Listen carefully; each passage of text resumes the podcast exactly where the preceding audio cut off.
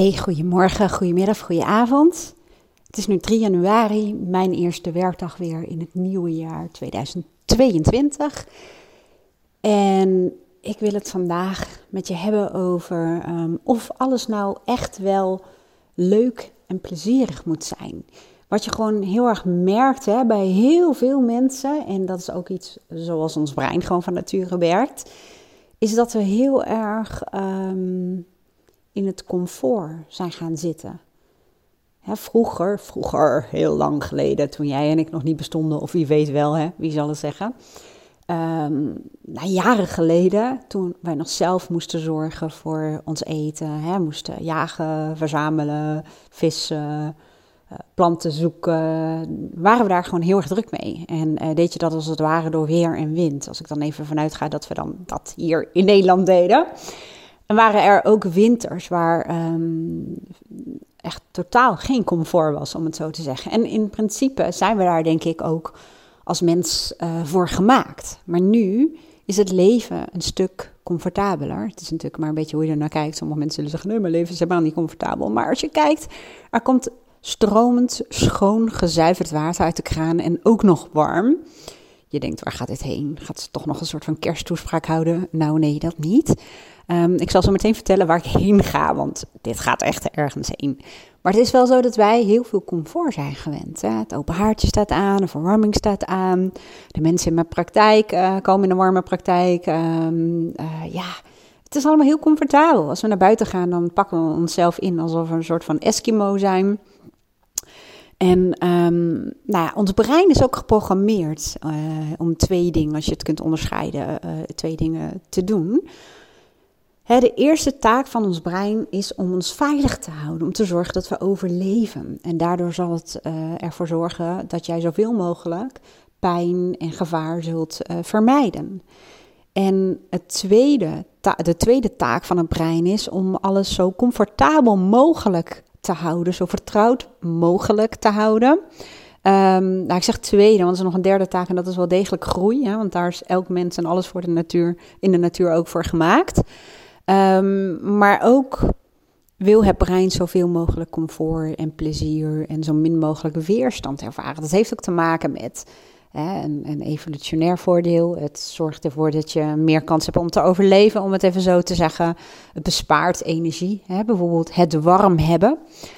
Zorgt ervoor dat je heel veel minder um, lichaamsenergie verbruikt. En dat maakt de kans op overleven ook gewoon een stuk groter. Dus het is echt volkomen logisch dat ons brein werkt zoals het werkt. En als je denkt, ja, maar we leven nu in een heel andere tijd. Het brein is wel degelijk als het ware geëvalueerd, maar niet zodanig dat het gereed is om te leven in de tijd waarin we nu leven. En daar zie je ook wel vaak dat het misgaat. In de zin van, um, een prachtig boekje hierover is Mismatch van uh, Mark van Vught en Ronald Gippard. Echt een aanrader. En um, ik zet even een linkje naar mijn boekenlijst, want daar staat hij ook op. wendyborst.nl slash boekenlijst. Echt, echt een aanrader.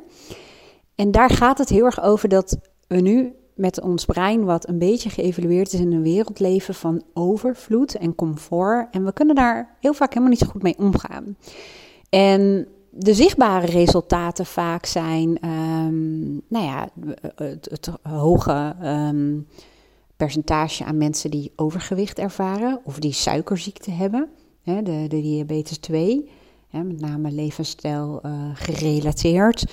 Maar ook, en dat is niet per se afhankelijk van je gewicht, mensen die gewoon heel weinig conditie hebben of maar binnen zitten, de hele dag überhaupt zitten, binnen zitten, we komen te weinig buiten. En wat je ook merkt, dat heel veel mensen zeggen: Ik weet wel wat ik zou moeten doen, maar ik doe het toch niet. Ja, ik weet dat ik meer zou moeten bewegen. Ik weet dat ik gezonder zou moeten leven. Ik, ik weet dat ik een positievere mindset mag ontwikkelen. Maar het probleem zit hem vaak in dat mensen niet doen wat ze weten dat ze zouden moeten doen. En dat heeft vooral ook te maken met um, ten eerste dat brein dat comfort zoekt, maar ook met een stukje conditionering. Dat um, het lijkt erop, afhankelijk van waar je naar kijkt natuurlijk, dat we ook wel een soort boodschap meekrijgen dat alles plezierig moet zijn en comfortabel moet zijn en leuk moet zijn. En dat is niet zo. Als je ergens naartoe wil, als je een bepaald doel hebt, of iets wil bereiken of een bepaalde visie hebt, dan zitten daar ook stappen in waarin je je eigen grenzen moet verleggen. Waarin je hard moet werken, waarin je dingen moet doen die helemaal niet comfortabel voelen. alleen al als je een sporter bent, dan weet je ook dat, dat je spieren uh, moet zich ontwikkelen.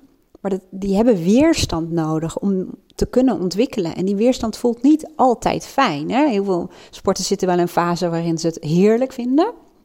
Maar trainen is ook gewoon um, herhaling en doorgaan en, en jezelf steeds maar verder oprekken. En ook als het gaat om bijvoorbeeld een gezondere levensstijl, betekent dat simpelweg dat je nee moet zeggen tegen dingen die heel erg lonken, waar je een heel groot verlangen naar hebt. En ja moet zeggen tegen de dingen ja, waarvan je denkt dat heeft helemaal niet, geen smaak. Dat geeft me niet wat een koek geeft of zo, hè? een paprika, noem maar eventjes wat. Um, en ook een gezondere levensstijl heeft in mijn beleving ook te maken met dat je gewoon ja, veel buiten moet zijn. Mijn idee is dat je als mens ook gemaakt bent om buiten te zijn. Ik, ik, ik ervaar zelf alle voordelen. En dan komen we meteen bij het praktische voorbeeld wat ik zelf ervaar. Aaron is nu ook weer uh, naar zijn werk. En we hebben de afgelopen week samen vrij gehad. En um, we hebben dus ook samen smiddags, smiddags met de hond gewandeld. En dan komen een aantal waarden van mij en van hem samen. En wat bedoel ik nou met waarden? Nou, persoonlijke waarden zijn, even heel kort door de bocht gezegd, je allerbelangrijkste persoonlijke behoeften. Hè, condities die ervoor zorgen dat jij gelukkig bent, een waardenvol leven leidt. En waarop je zo goed mogelijk functioneert. Dus als je conform jouw belangrijkste persoonlijke waarden leeft, zul je ook merken dat je ook ja, een soort betekenisvol uh, gevoel hebt, voldoening, uh, passie in je leven uh, ervaart. Het doet ertoe. En voor je gevoel klopt het en je leeft zoals jij zou willen leven. En als er ook maar een tekort is in één of meer belangrijke persoonlijke waarden, dan ga je dat gewoon merken. In je energieniveau, maar te beginnen lichamelijk en emotioneel. En als wij samen lopen, dan komen een aantal belangrijke persoonlijke waarden samen. Waardoor ik die wandeling als heerlijk ervaar. En ja, er is gewoon geen drempel. Of het wel of niet koud is, of regent of niet. Ja, regen heb ik trouwens sowieso niet zoveel mee. Maar um, ik vind het fijn, omdat we samen zijn. En we, we maken allerlei wandelingen in gebieden die we nog niet kennen. Aaron weet altijd de weg heel goed terug te vinden. Nou, dat kun je van mij niet altijd zeggen. Dus de routes die we nemen zijn veel avontuurlijker. En er is geen eindtijd, dus ik hoef niet weer terug te zijn op een bepaald tijdstip. Dus ja, ook avontuur is er veel meer. Ehm, en ook gewoon samen zijn en de verbinding voelen. En nu ben ik dus weer overdag alleen, zullen we maar zeggen. En dat bedoel ik dan even niet mijn klanten, hè, maar zonder Aaron. Ja, en dan merk ik dat een aantal waarden als het ware wegvallen. En dat ik voor mezelf weer echt, dat, noemen ze afstemmen op je waarden, een manier moet vinden om ervoor te zorgen dat ik het wandelen met de hond ehm, ja, leuk ga vinden. Want ik heb het dus over, moet het altijd leuk zijn, maar dat ik gedreven word. En wat ik daarmee bedoel, kijk, ehm, het gaat over waarden, hè? Over, over ook, maar ook over normen. Ik, ik heb een bepaalde norm en die is al lang ter discussie gesteld door Aaron en een gedragstherapeut voor de hond. Mijn idee was, uh, Aaron loopt ochtends uh, met de hond en ik loop als ik kan mee. Een kwartiertje, half uurtje. En uh, mijn idee is dat hij tussen de middag, omdat het nu nog s'avonds donker is in het bos en het bos niet in kunnen, dat hij in ieder geval nou, drie kwartier een uur moet lopen. En dat we s'avonds ook nog ongeveer een half uur lopen. Nou, dat is maar een idee, hè? het is een norm. En Aaron en de gedragstherapeut hebben aangegeven dat ik niet zo rigide en strak in die normen hoef te zitten. Maar ik merk um, dat het wel iets helpt. Maar ik ben nog steeds heel erg van mening dat zijn waarde en een bepaalde visie, dat de hond die wij hebben, Rhodesian Ridgeback, gewoon echt flink wat beweging nodig heeft. En niet alleen beweging, want we hebben een enorme tuin, um, maar ook prikkeling, mentale prikkeling, dus andere omgeving en ja, wat, wat, wat prikkels. En ik merk gewoon, je kunt zeggen wat je wilt. Ik ben al wat uh, makkelijker, losser geworden. Doordat ik hem, zoals nu heb ik hem even in de tuin uh, gedaan. En dan kan hij lekker zijn eigen gang gaan. En daar zie ik echt de toegevoegde waarde van. En hoe heb ik dan gezorgd? Want waar gaat deze podcast heen? Nou, het gaat er eigenlijk om hoe kun je voor jezelf de drempel verlagen om iets te doen waarvan je weet dat het goed voor je is. Maar waar je weerstand bij voelt. Of dat je merkt, het gaat nog niet makkelijk. Nou, wat ik ten eerste heb gedaan, ik heb eerst gekeken inderdaad naar mijn eigen normen en waarden. Van Uh, ik vind het dus belangrijk dat die hond uh, de beweging krijgt, maar ik vind het zelf ook belangrijk dat ik buiten ben, dat ik een flink hoog tempo met de hond uh, loop, omdat ik weet dat dat effect heeft op heel veel dingen. Slaap, helderheid in mijn hoofd, um, opfrissen, ja, beweging, mijn vitaliteit, mijn conditie. Het heeft al zoveel bewezen voordelen, dus die voel ik ook heel erg. Maar ik merkte dat ik wel iets moest doen om te zorgen. Want het feit dat er een drempel is, heeft ook gewoon vaak te maken met dat het conflicteert met een aantal andere waarden. Dus ik ontdekte dat ik um, A, onbewust toch een soort rebelsheid voelde ten aanzien van mijn eigen normen. Hè? Als dan iets moet of zo, dan kan ik in opstand komen. En dan vaak is het dus ook, als het tegen je eigen normen is, dan weet je dat die normen niet helemaal compatible zijn of niet helemaal dienend zijn aan je waarden. Als, je weerstand tegen je eigen normen hebt, dan is die norm ofwel te rigide of die, die, die conflicteert een beetje met een waarde. Dus ik ben ook gaan kijken van hoe kan ik dat dan voor mezelf oplossen. Nou, wat ik heb gedaan, ik dacht, oh ja, ik merk ook, ik uh, ben wat dat betreft, uh, nu zeg ik dat wel heel absoluut, maar een ochtendmens. Ik hou echt enorm van de ochtend. Ik hou echt dan vroeg op staan. En ik ben s'avonds gewoon wat sneller moe. En ik merk gewoon dat mijn concentratie, die neemt gewoon af gedurende de dag. En um, ik ben op mijn best, mentaal gezien, vooral mentaal gezien, um, tot ergens in de middag. En ik merkte dat wandelen met de hond tussen de middag, hè, drie kwartier uur, en dan moet je ook nog uh, uh, even de poten schoonmaken en de vloer schoonmaken en noem het allemaal op en eten geven.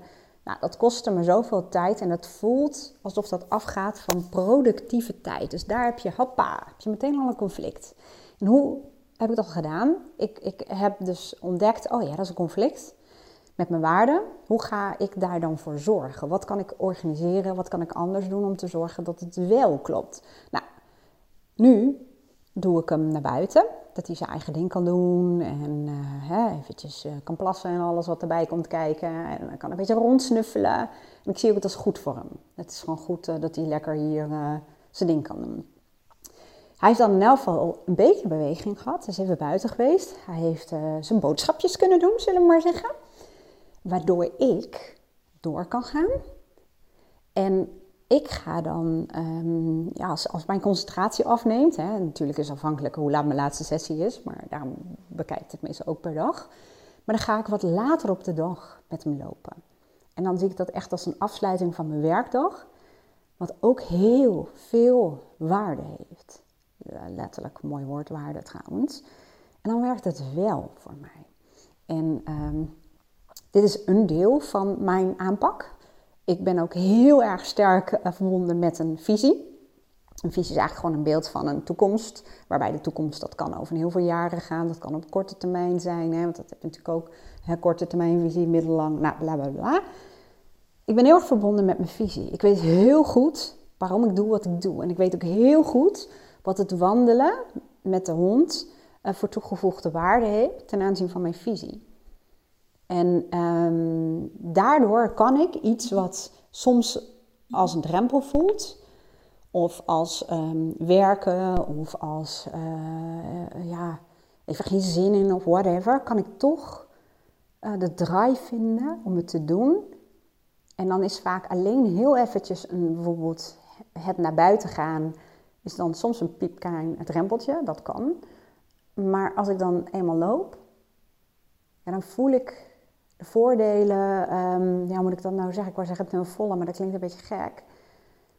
Maar dan weet ik weer waarom ik dat doe. En ik heb dan ook nog zo'n polar horloge en dan kan ik een beetje bijhouden uh, ja, wat mijn ontwikkeling daarin is en hoe mijn conditie steeds beter wordt. En voor mij werkt dat heel goed. Sowieso ook die, die, die, die grafiekjes en dat ik het bij kan houden, werkt voor mij goed, omdat ik dan ook een andere waarde aantik dat is persoonlijke groei en ontwikkeling, waarbij ook fysieke groei een heel groot onderdeel is. Ik geloof namelijk niet per se in veroudering. Ik geloof er echt ook in, en ik heb het zelf ook ervaren, dat je ook kunt verjongen.